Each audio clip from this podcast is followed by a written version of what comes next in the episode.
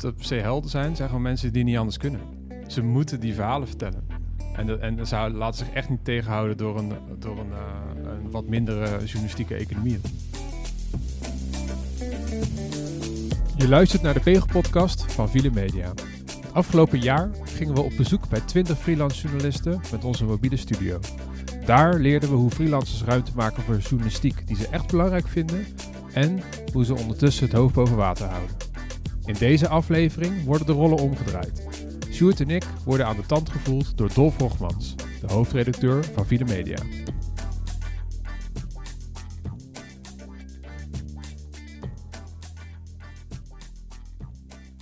Heren, waar zitten we op dit moment? Sjoerd?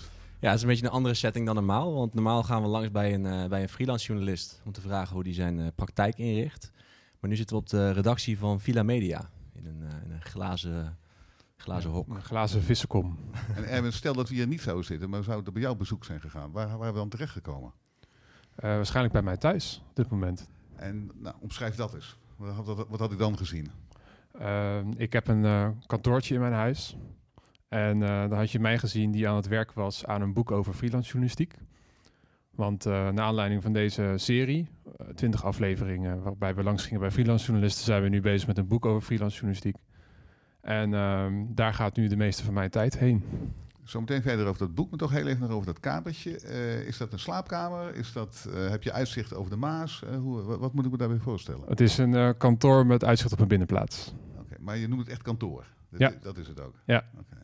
Ja, een bureau en een computer. Dat is meestal een kantoor. En Sjoerd, jij mag ook van een kantoor spreken? Ik mag uh, tegenwoordig van een kantoor spreken, ja. Ja, ik heb sinds maart heb ik um, een, een, een, huis, een volwaardig huis in het pittoreske Oosterbeek bij Arnhem. Een volwaardig huis. en uh, ja, ik heb daar een kantoor ingericht, ja. ja. ja Oké, okay, mooi. Uh, en vanuit het kantoor doe jij het meeste van je werk of, of ben je toch veel onderweg? Uh, het meeste gebeurt denk ik wel uh, op dat kantoor of misschien ergens in de stad in een, in een koffietentje. Is maar net waar ik zin in heb. Een beetje afwisseling is ook wel goed voor de, voor de creativiteit. Ik vind het leukste als ik een beetje afwisseling heb eigenlijk. Dat ik gewoon af en toe naar een afspraak kan, dan weer een interview en dan weer lekker in, in monnikenmodus uh, schrijven. okay. Heb ik daar een beeld bij? de monnikenmodus. Uh, waarom we dit gesprek doen, is omdat ik ook uh, benieuwd ben uh, hoe jullie je werk doen. jullie hebben het afgelopen jaar voor ons File Media dat aan een aantal anderen gevraagd. Waarbij toch een, een, belangrijke vraag was: hoe kun je tijd en ruimte vrijmaken om de dingen te doen die je echt leuk vindt? En dan wil ik maar eens beginnen met Sjoerd. Wat vind jij nou echt leuk? Aan journalistiek dan even. Aan los, journalistiek, los, ja. van Netflix-series. Maar wat vind je echt leuk aan, je, aan, aan journalistiek? Ik ben nieuwsgierig van de aard. Ik vind het gewoon interessant om dingen uit te zoeken. En wat ik belangrijk vind aan de journalistiek is om mensen goed te informeren, zodat ze goede keuzes kunnen maken. En wat ik met name interessant vind, is eigenlijk wel mijn eigen vakgebied, de, de, de journalistiek. Oké, okay, en als je dan kijkt naar je huidige activiteiten, uh, als je die daar eens oplegt ja. en die zeg maar daar jezelf even de maat neemt op dat gebied, uh, Lukt dat dan? Heb je dan de pret? Of er wordt al gezegd pret, poen, prestige? Of ben je met je activiteit toch vooral voor de poen bezig?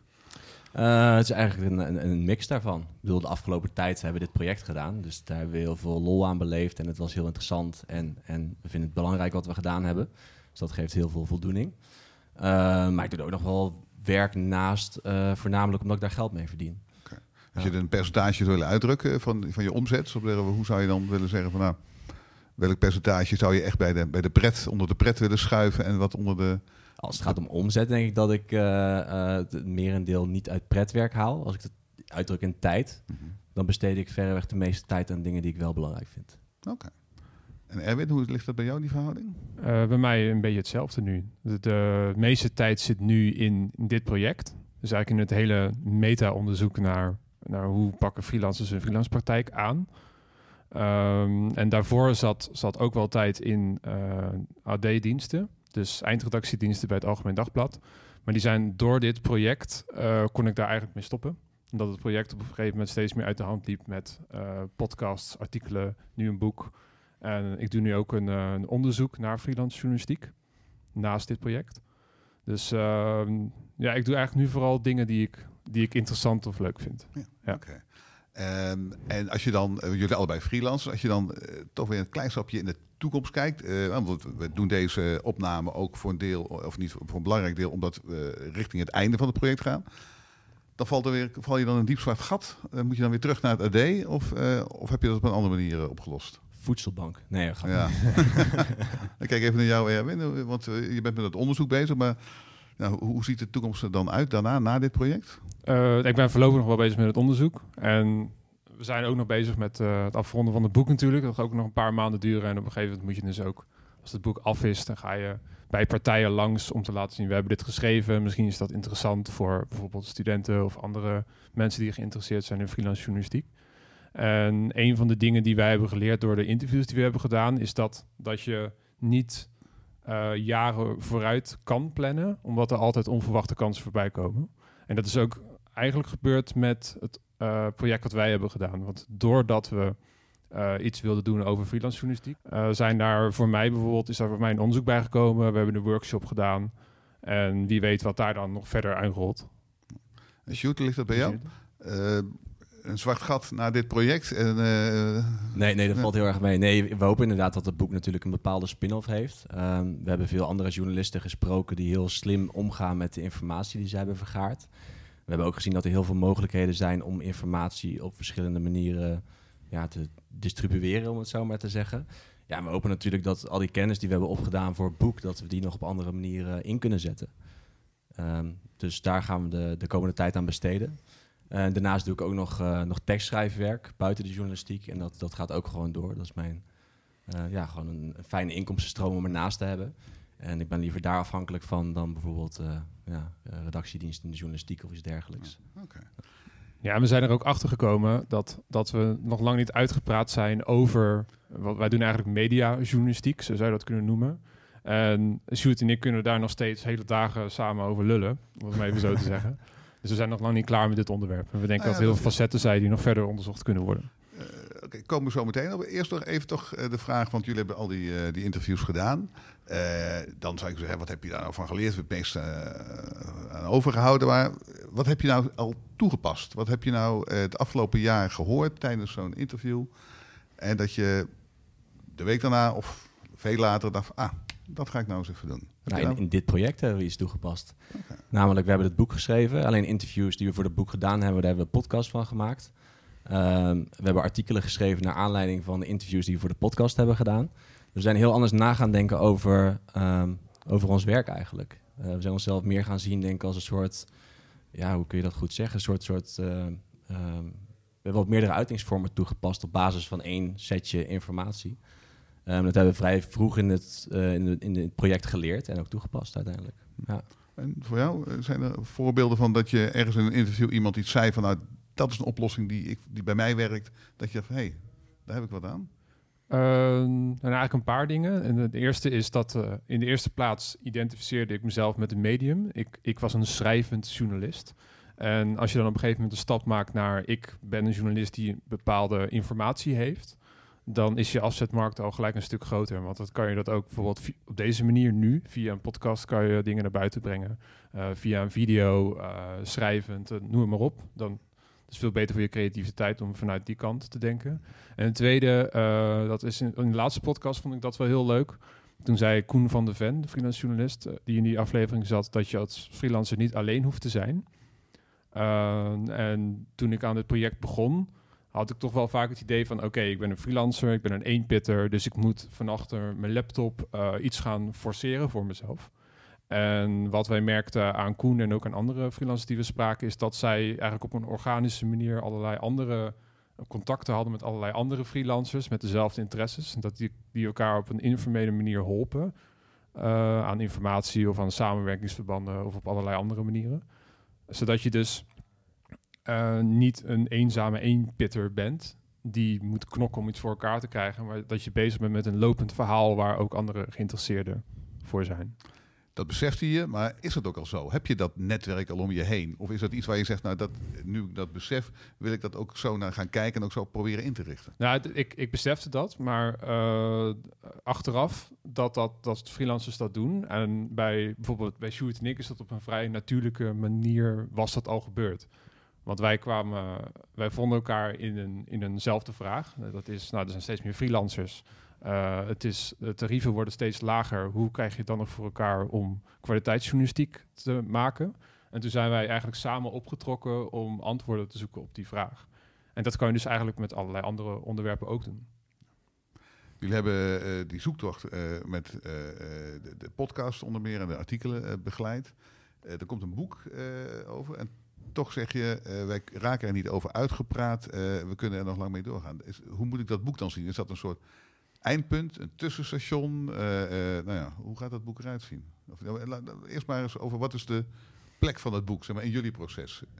nog het einde van het project of toch niet? Het is wel het einde van dit project. Ik denk dat je het kan zien als een bundeling van alle kennis die we tot nu toe hebben vergaard. Wat we eigenlijk in de podcast en de artikelen hebben gedaan is inzoomen op één freelance praktijk. Wat we in het boek hebben gedaan is we hebben al die, want we hebben 60 mensen gesproken in totaal en we hebben al die interviews op een hoop gegooid. We hebben gekeken van welke patronen zitten daar nou in. En dat, is, dat maakt het wel wezenlijk anders dan wat we in de podcast hebben gedaan. Okay. En als je kijkt naar, naar mediajournalistiek, dan uh, het onderwerp van het boek is hoe kan een freelancer in de, in de huidige freelance-economie verhalen maken die hij echt belangrijk vindt. Dus het boek is heel praktisch ingestoken. Uh, natuurlijk kan je nog veel meer verhalen vertellen over de hele mediatransitie in zijn geheel. Ik bedoel, voordat deze podcast begon hadden wij een gesprekje over uh, businessmodellen uh, voor in de journalistiek. Toen had het over dat, dat je natuurlijk advertenties hebt, of bijvoorbeeld het, het, ledenmodel van de correspondent. Hoe gaat dat zich ontwikkelen? Hoe gaat dat er in de toekomst uitzien? Dat zijn allerlei vragen die, die gewoon heel interessant zijn, want die gaan ook over hoe mensen hun informatie in de toekomst uh, tot zich gaan nemen. En dat zijn wel dingen die, die ik nog verder zou willen uitzoeken. Uh, het boek uh, is dus praktisch ingesteld. ik kan me voorstellen dat dat ook in zichzelf al betekent dat het zeg maar, op een gegeven moment zeg maar, veroudert. Omdat ja, de, de wereld verandert snel. En ik kan me voorstellen dat je na twee, drie jaar er weer andere ideeën bij zijn gekomen. Nou, alleen daarom al, misschien dat we dan niet meer in het abonnementenmodel geloven. En dat we misschien weer in advertenties geloven. Ik hoop het niet, maar je, je, je kan het niet weten. Um, is dat ook een reden om, om het onderwerp te blijven volgen? Dat het, de tijd er gewoon overheen gaat? Nou, ik denk dat in het geval van ons boek uh, hebben we er bewust voor gekozen om op, op een, tijdloze manier uh, het aan te vliegen.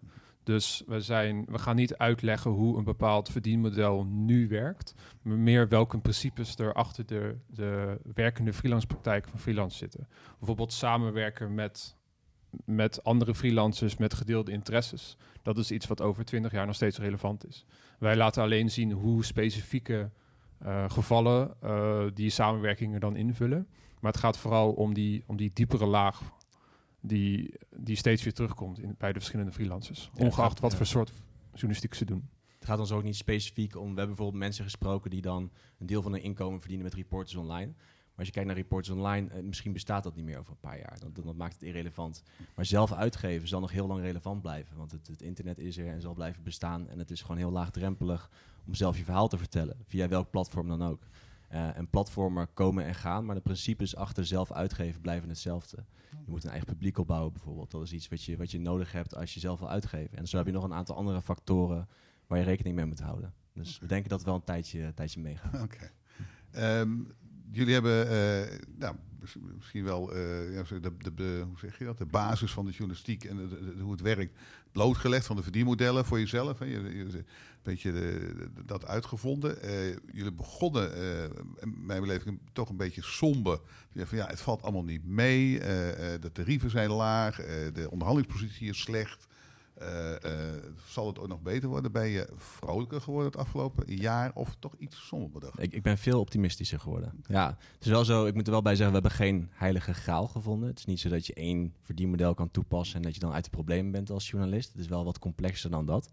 Maar we hebben zoveel voorbeelden gezien van mensen die uh, doen wat ze zelf belangrijk vinden en er geld verdienen op basis van datgene wat ze belangrijk vinden. Dat we denken van ja, in principe kan iedereen dat toepassen. Ja.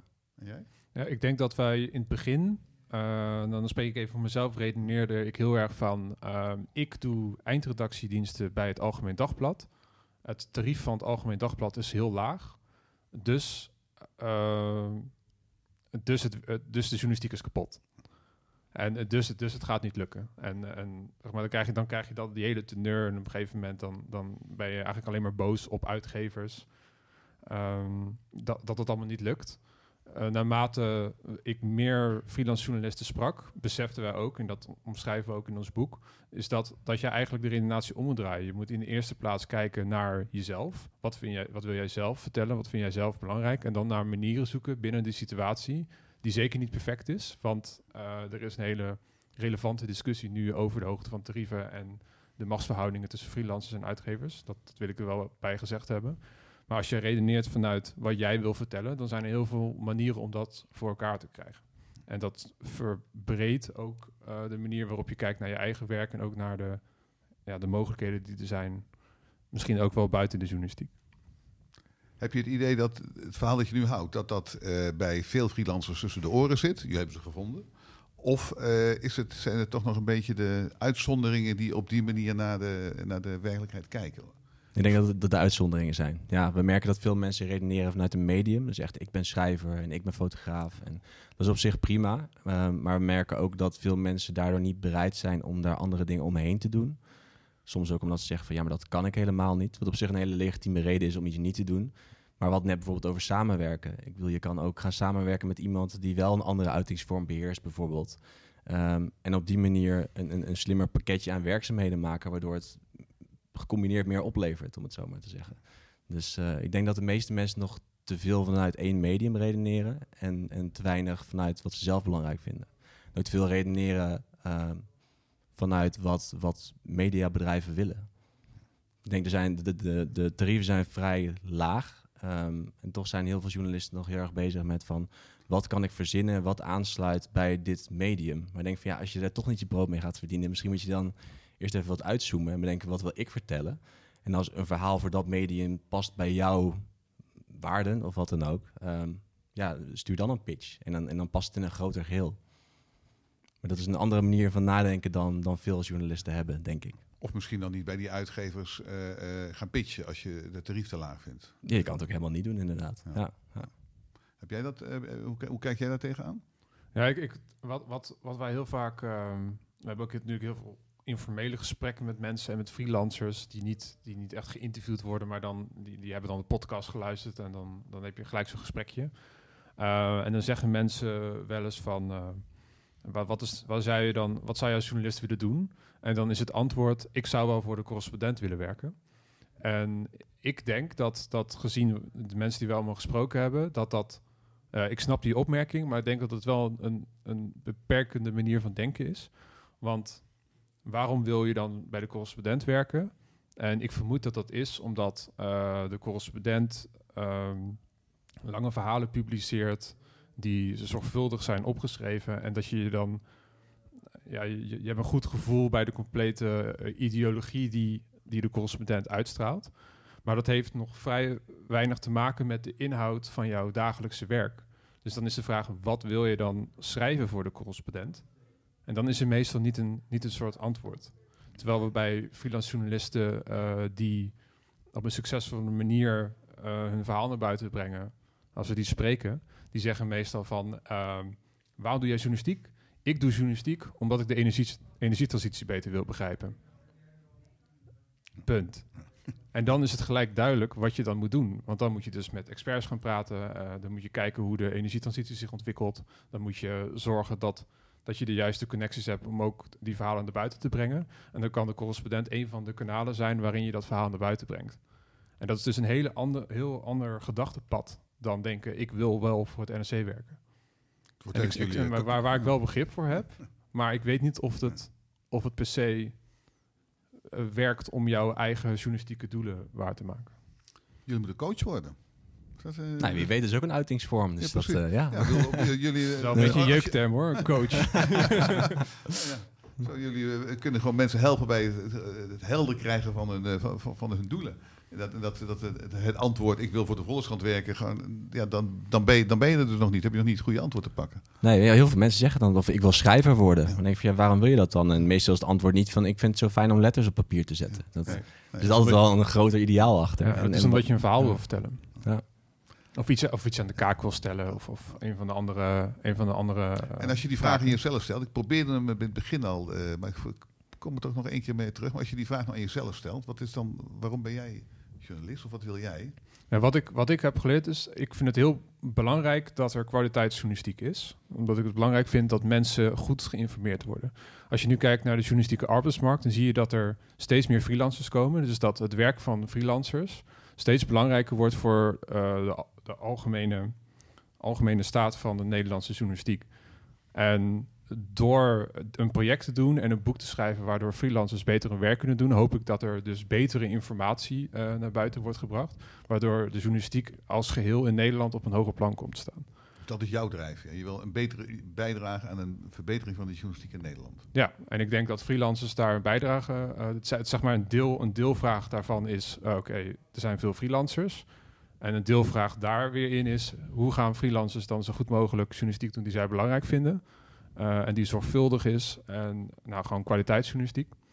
En dan, als je dan, dan nog kleiner maakt, dan kom je dus uit op een, een podcastserie of een boek die uitlegt hoe je als freelance journalistiek iets kan doen waar je echt achter staat, waar je heel veel tijd in wil steken. Uh, omdat je mensen zo zoveel mogelijk van informatie wil voorzien. Dat is een hele mond vol, maar dat nee, is nee, wat mij... We hebben hem afgepeld nu. En dat is wat mij drijft. Ja, ja. Nou, ja. helder. En, en Sjoerd?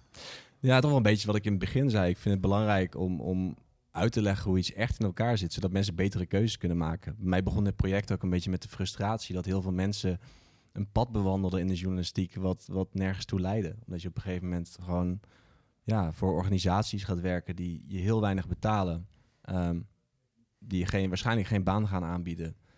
En die geen ruimte gaan bieden voor hetgeen wat je belangrijk vindt. En dat, dat vond ik frustrerend. Dat ik wil uitzoeken hoe het wel zit.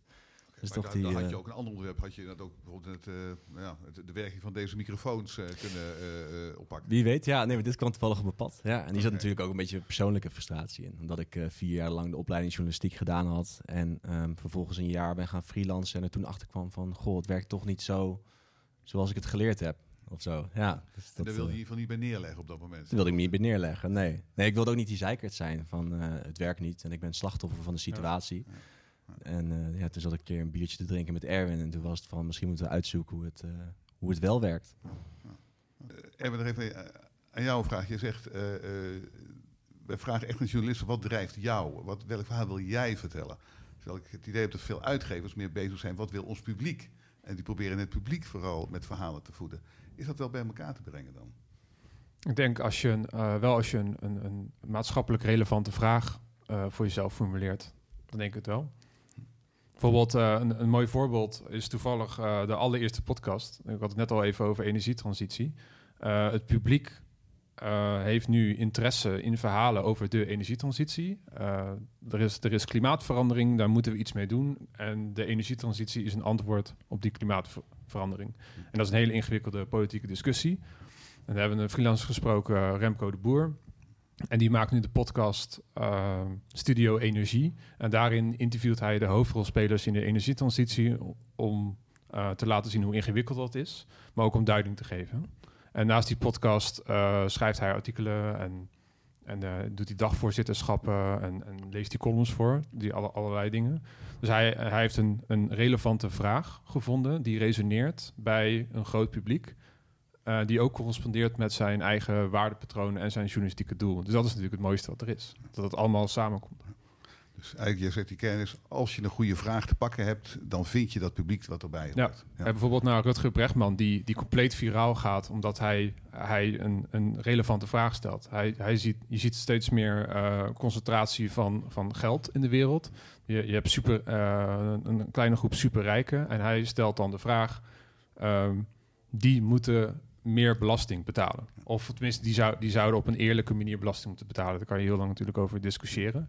Dat is een vraag die, die uh, relevant is en resoneert bij een heel groot publiek en correspondeert met zijn eigen waarden.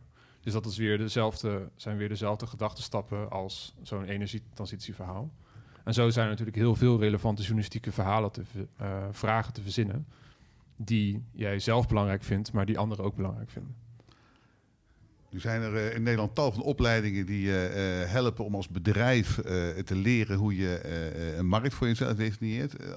ik hoor bijna jou op die manier praten als het gaat om een journalist die zijn drijfveren ontdekt. En, en, en, de markt is daarna nog maar. maar die, dus, ik zei net het woord coach, maar het lijkt wel, gaat jullie boek er ook naartoe dat je inderdaad zegt van, nou, ga beginnen eerst nou eens met een leeg velletje of met een leeg hoofd of met een avond doorzakken en denk eerst nou eens van, wat wil ik nou eigenlijk?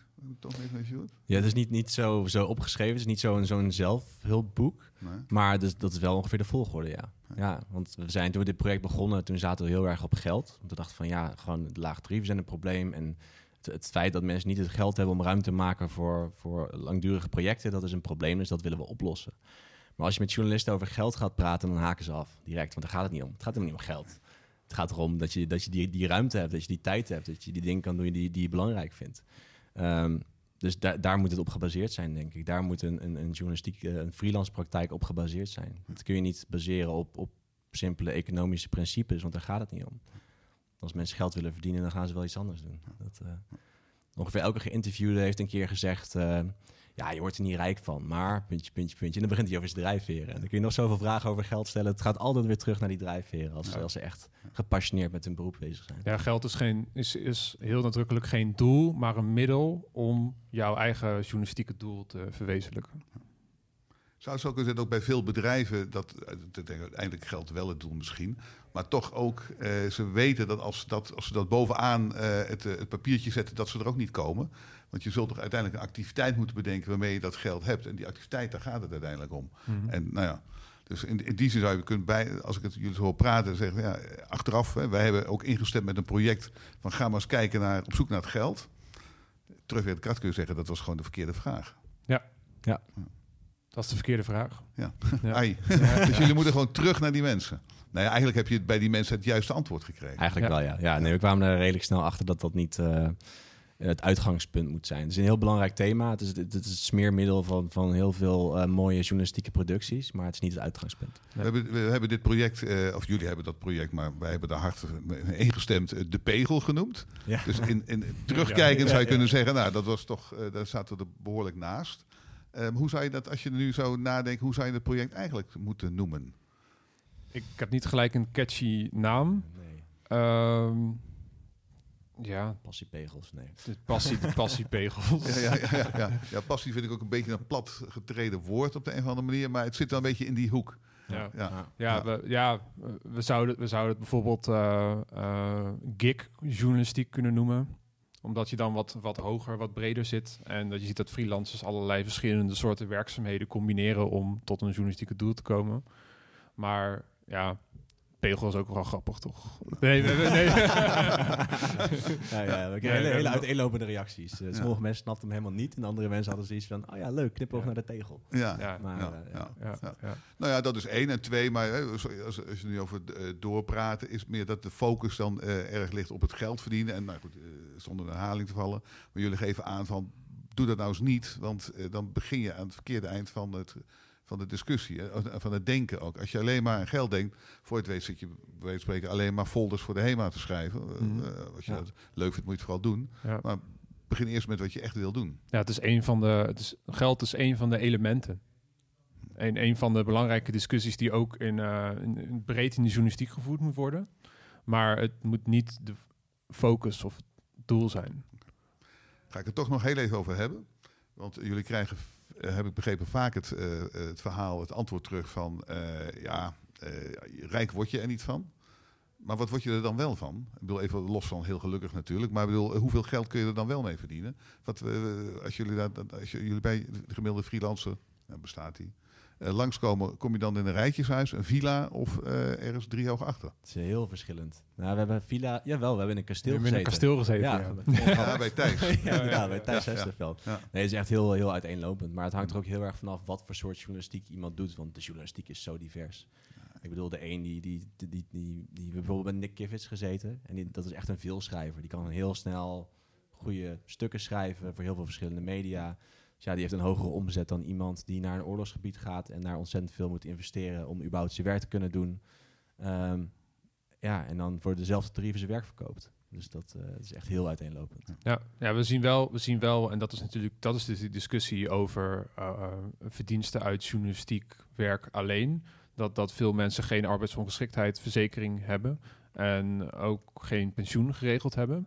Dat, dat voor de eerlijkheid, dat moeten we wel zeggen, voordat, voordat hier een soort Walhalla-verhaal komt van eh, het is allemaal, allemaal goed of zo in de journalistiek.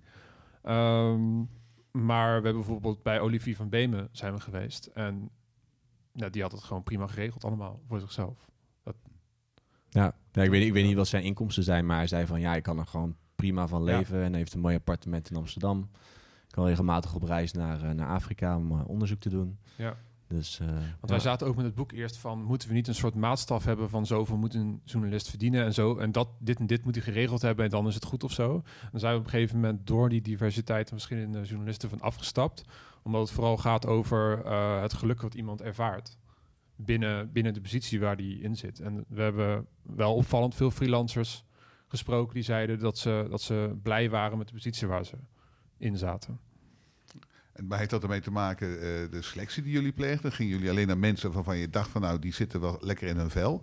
Of ben je daar wat opener in gegaan? Want ik kan me voorstellen, als je zeg maar, een dwarsdoorsnede van de freelancers had proberen te spreken, dat je misschien ook eh, dat, dat andere geluid had gehoord van ik zit, het gaat wat minder met mij. Ja, we hebben... eh, Ja, ja, ja, sorry. dat hebben we ook wel zeker gehoord hoor. Maar we hebben vooral wel voor de podcast hebben we, zijn we wat selectiever geweest. Omdat we eh, vooral wat diversiteit in verhalen wilden. Ze wilden verschillende media, verschillende verdienmodellen en verschillende uitingsvormen aan bod laten komen. Eh, de interviews die we voor het boek gedaan hebben, ehm, die geven een wat beter beeld. En er zaten ook echt wel mensen tussen die, die wel echt ontevreden waren met de inkomsten, die heel hard moesten werken. Ehm, ja, met, met alle En gevoelens als je, met die, ja, als je met die mensen dan praat en je, en je, en je geeft wellicht ook eh, eh, jullie ervaringen aan die mensen mee, gaat er dan ergens een lichtje branden? Of zeggen ze, oh, misschien moet ik inderdaad eens over mijn eigen positie gaan nadenken, want misschien heb ik mezelf in een, al nadenkend eh, in een positie gemanoeuvreerd eh, die helemaal niet nodig is? Nou, het moet wel landen, merk ik. En ik merk ook, dan, dan geef ik bijvoorbeeld een voorbeeld van, eh, nou, bijvoorbeeld om op Olivier van Beemen terug te komen. Een van zijn uitingsvormen is, is lezingen. Dan zeg je, nou, dat is ook een manier om je verhaal te vertellen en, en je dat zorgt ook weer voor een extra inkomstenbron. En dan zijn er mensen die zeggen van, ja, maar dat is geen journalistiek. Dus of, vind, of het- dat vind ik eng. Of dat vind ik eng, of dat kan Ja. ik niet. Dus dat, eh, dat, idee van wat, wat journali- journalistiek is en wat journalistiek zou moeten zijn, dat ehm, nou, misschien kunnen mensen dat ook wel wat meer loslaten of wat, wat, wat vloeibaarder maken. Maar dat, eh, ik, ik merk dat dat wel moet landen als je, als je deze theorie uitlegt. Dat Ja. mensen niet gelijk zoiets hebben van, eh, oh, ik ga het helemaal anders aanpakken. Dus misschien moeten ze rustig ons boek gaan lezen en Ja. goed over nadenken. Wat we ook wel eens horen is dat ehm, ehm, wij zien dat, dat ondernemende eh, journalisten veel voor elkaar krijgen. Dus die, die, ehm, eh, die, die regelen subsidiegeld voor zichzelf en die, die hebben, maken makkelijk contacten en die hebben dan een goed netwerk waarbij ze verschillende uitingsvormen kunnen, kunnen wegzetten. En dan krijg je wel eens terug van ja, maar ik ben een journalist en geen ondernemer.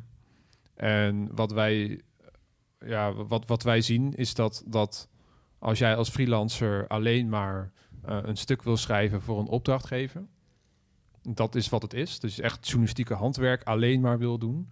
En dan is het heel moeilijk om een, eh, eh, een duurzame freelance praktijk op te bouwen. Dus dat is iets wat, wat, wat noodzaak is in de huidige freelance economie. Ja, en als ik jullie zo hoor, dan, eh, dan treffen jullie vaak bij freelancers aan of regelmatig dat ze redeneringen gebruiken die ze- zichzelf, waardoor ze zichzelf opsluiten. Ja. Eh, ik wil alleen maar die activiteit doen, of eh, eh, eh, voor die opdrachtgever wil ik niet werken, of dat is geen journalistiek, of dat Ja. kan ik niet. En ja, dan wordt je wereld steeds kleiner. Ja, en nog een voorbeeld is, want ik vertelde net bijvoorbeeld dat ik ook tekstschrijfwerk doe hiernaast. Dat tekstschrijfwerk zorgt ervoor dat ik heel veel tijd heb om, om journalistieke dingen te doen die ik heel belangrijk vind. Ik kan het gebruiken om een soort opstartperiode te creëren, om misschien een wat groter journalistiek pakket aan werkzaamheden te creëren. Eigenlijk bijna elke journalist die wij hebben gesproken doet dat. Doet niet journalistiek werk, omdat het gewoon beter betaalt.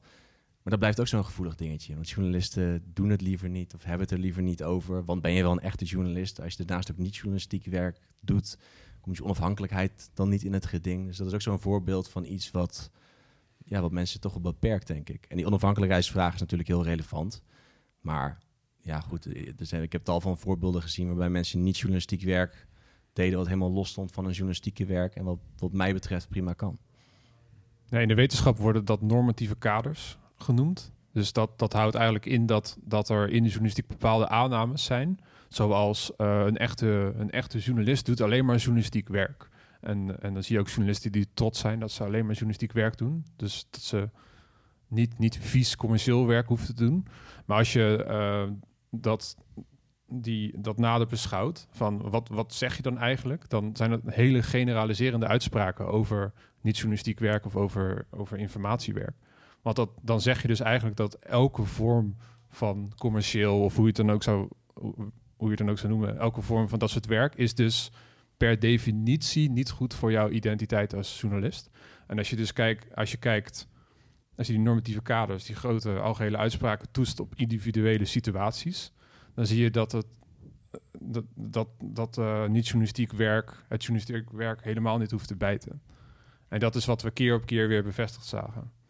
Bijvoorbeeld, we hebben iemand gesproken die, ook in de podcast, die eh, deed werk voor offshore bedrijven. Dus die maakte video's voor, voor ehm, bedrijven die grote containers eh, op zee verplaatsen bijvoorbeeld. En daarnaast maakte hij journalistieke programma's. En hij zei gewoon van, ja, ik maak gewoon geen programma's over offshore werk. Punt. Dat bijt elkaar dan niet.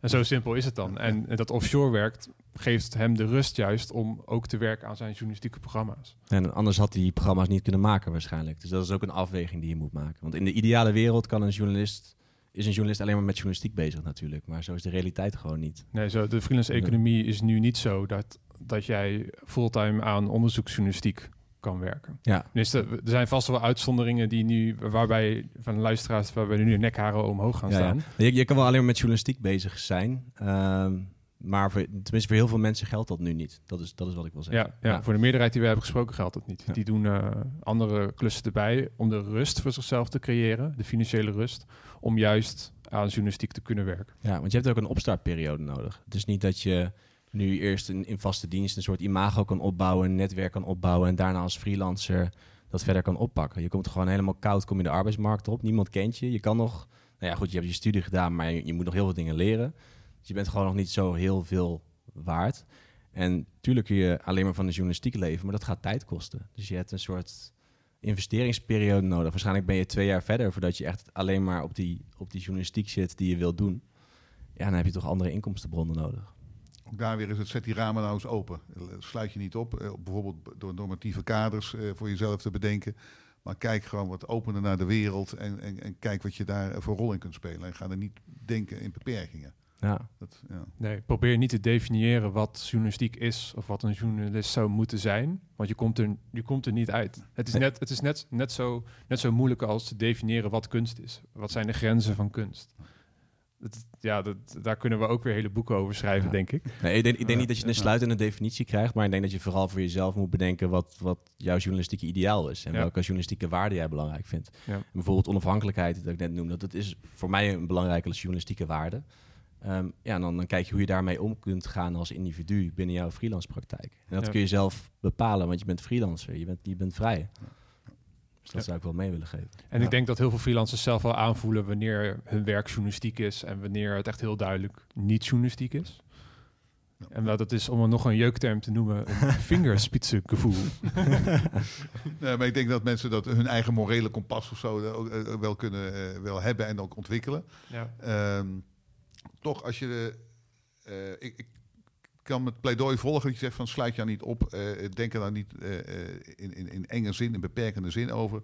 wat journalistiek is en wat geen journalistiek.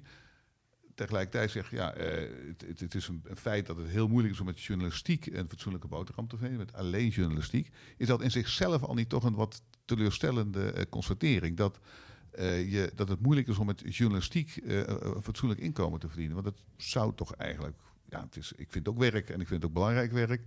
En hoe, hoe jammer is het nou dat je met belangrijk werk eh, onvoldoende inkomen kunt genereren? Nou, ik, vind het eigenlijk een opluchting dat het moeilijk is. Want eerst dacht ik, vroeg me af of het überhaupt mogelijk was. dus, Kijk, eh, ja, ja. dus ja, nee, het is, het is zeker niet makkelijk. En het, en, het, en het kost gewoon tijd. En dat is eigenlijk vooral wat ik, wat ik wilde zeggen. Om, om, om die tijd te overbruggen. Ja, stel jezelf gewoon open voor, voor zaken die wel geld opleveren. Ehm, Maar heb je, b- ik heb bij mezelf wel begrip voor mensen die eh, gefrustreerd raken door het feit dat het met journalistiek alleen niet lukt. En dan niet zozeer omdat ze teugen dat andere werk zijn, maar omdat ze vinden van ja, het zou toch eigenlijk gewoon, eh, wa- wat is nou op tegen dat je eh, een fatsoenlijk bedrag verdient met journalistiek werk. Wa- waarom kan dat nou niet? Het lijkt me fantastisch als dat Ja. zo is. Ik bedoel, het is heel eh, maatschappelijk eh waardevol Waarbij werk. ik dus niets eh, kwaads wil zeggen over Ja. het maken van eh, persberichten of het maken van prachtige bedrijfsbrochures. Maar waarom lukt het nou niet om met journalistiek een fatsoenlijke boterham te verdienen? Nou, ik, ik weet niet waarom dat niet lukt. Tenminste, ehm, ik vind het ook teleurstellend. Maar ik vind het ook teleurstellend dat er geen wereldvrede is. En dat zou ik heel graag willen. Maar dat is niet de realistische situatie. Maar binnen die situatie kan je wel streven om zoveel mogelijk daar naartoe te werken. En ik denk dat ehm, eh, wat, wij, wat mij heel blij maakt, is om te zien dat, dat het, ondanks dat het heel moeilijk is om eh kwaliteitsjournalistiek als freelancer te maken, en zeker als je diepgravend onderzoekjournalistiek gaat doen, dat het toch wordt gedaan. Dat er toch mensen zijn die de situatie zien, die zien dat het moeilijk is, die zien dat het moeilijk is om, om de financiën bij elkaar te krijgen, om daar de tijd voor vrij te maken, en dat dat toch door blijft gaan. Dus dat blijft bestaan. Dus het is iets wat intrinsiek in heel veel mensen zit.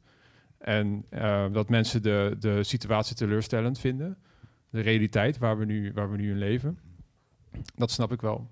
Maar dat houdt journalisten niet tegen om eh, verhalen te vertellen die ze belangrijk vinden. Eh, in dat verband hebben jullie, zijn jullie helden tegengekomen? Mensen waar jullie nu een beetje tegen opkijken? Want ik kan me voorstellen, als je op die manier ook naar de journalistiek kijkt en zegt, nou, die, ondanks de moeilijkheden, gaan die mensen ervoor. Ik denk, ik denk niet dat het per se helden zijn. Het zijn gewoon mensen die niet anders kunnen. Ze moeten die verhalen vertellen. En, de, en ze laten zich echt niet tegenhouden door een, door een, eh, een wat mindere journalistieke economie op dit moment. En dat betekent niet dat mensen eh, die het heel erg proberen en waarvan het niet lukt, dat die het minder goed doen. Dat, dat, dat zou ik echt nooit, eh, nooit willen zeggen. Maar je ziet wel mensen die die, die teleurstelling, die doorhebben dat die teleurstelling leidt niet tot betere journalistiek. Die leidt, eh, die leidt eigenlijk alleen maar af. Want als jij de hele dag boos bent op een uitgever dat, dat de tarieven te laag zijn, dan ga je niets anders regelen. Dus het is wel belangrijk om, om, om, om dat een beetje los van elkaar eh, te zien. En dan wil ik natuurlijk wel weer zeggen dat het goed is om, om, om te praten over de tarieven van de uitgevers. Want die zijn natuurlijk echt heel erg laag. Nee, maar goed, je zegt wel gewoon eh, eh, de reality check. Eh, er is geen wereldvrede, eh, er zijn geen eh, hoge tarieven. Dus daar kun je inderdaad je eindeloos tegen blijven verzetten. Het gevolg is dat je daar wellicht chagrijnig van wordt. Je kunt ook zeggen, nou dan ga ik er iets op bedenken. Ja, het is het, is het gesprek over tarieven, een gesprek wat we moeten voeren, maar het is niet het enige gesprek Precies. wat we Ja, voeren. moet je er Ja. niet van weer houden om toch je werk te blijven doen. En Ja. iets leuks te bedenken. Het kan, kan parallel Ja. aan Ja. elkaar bestaan. Eh, het boek, wanneer kunnen we dat verwachten? Dat weten we zelf nog niet eens. Nee, nee. Nou, ongeveer, wordt het eh, dit jaar? eh, Om even- durf jij? Ja, wel dit jaar. Ja, dat sowieso. ja, in dit 2019 gaat dat wel het licht zien. In 2019 komt het boek uit. Ja. Eh, als je het koopt als eh, freelancer, eh, eh, ja, wat mag je dan verwachten? Ik bedoel, als je het uit hebt, is het, het is heel praktisch, dus je kunt het ook af en toe wegleggen. Of moet je gewoon één ruk uitlezen? Ja, we moeten, we moeten bij zeggen, het is geen, geen handboek. Dus we gaan geen eh, tien tips geven van, van dit moet je doen en dan word je een hele succesvolle freelancer. We hebben vooral uitgezoomd en eh, proberen eh, veel kennis op papier te zetten die je nodig hebt om goede keuzes te maken als freelancer. En we hopen ook dat de, de mensen die erin voorkomen anderen inspireren om wat adaptiever te zijn in deze journalistieke economie. En voor jou? Wat? Je kunt je erbij aansluiten bij... Ik sluit me hierbij aan. bij- bij- bij- Of, of ik ben een heel ander boek aan het schrijven. Dan, eh, Oh, ben je daarmee bezig? oh, ik weet, weet dat Ja, is. jij doet het afsluitende hoofdstuk en dat blijkt dan ineens... Ja. eh, ja, toch Ja, we, we schrijven twee losse boeken en dan kijken Ja, we. Precies. Goed man, Eh, we gaan dit, eh, wat mij betreft, gesprek beëindigen. Ik, eh, Ja. ik bedank jullie heel erg voor het gesprek Ja, en voor het project. Ja, bedankt En, voor de vragen. ja, geen Ja. dank. En, eh, en hopelijk kunnen we het toch op een mooie manier afsluiten. Ook bij, bij de boekpresentatie of op een andere manier. Gaan we Misschien hebben we daar nog een, eh, straks na deze uitzending, we zeggen, deze opname, nog even een gesprekje over. Ja. Bedankt alvast. Zeker. Oké. Bedankt.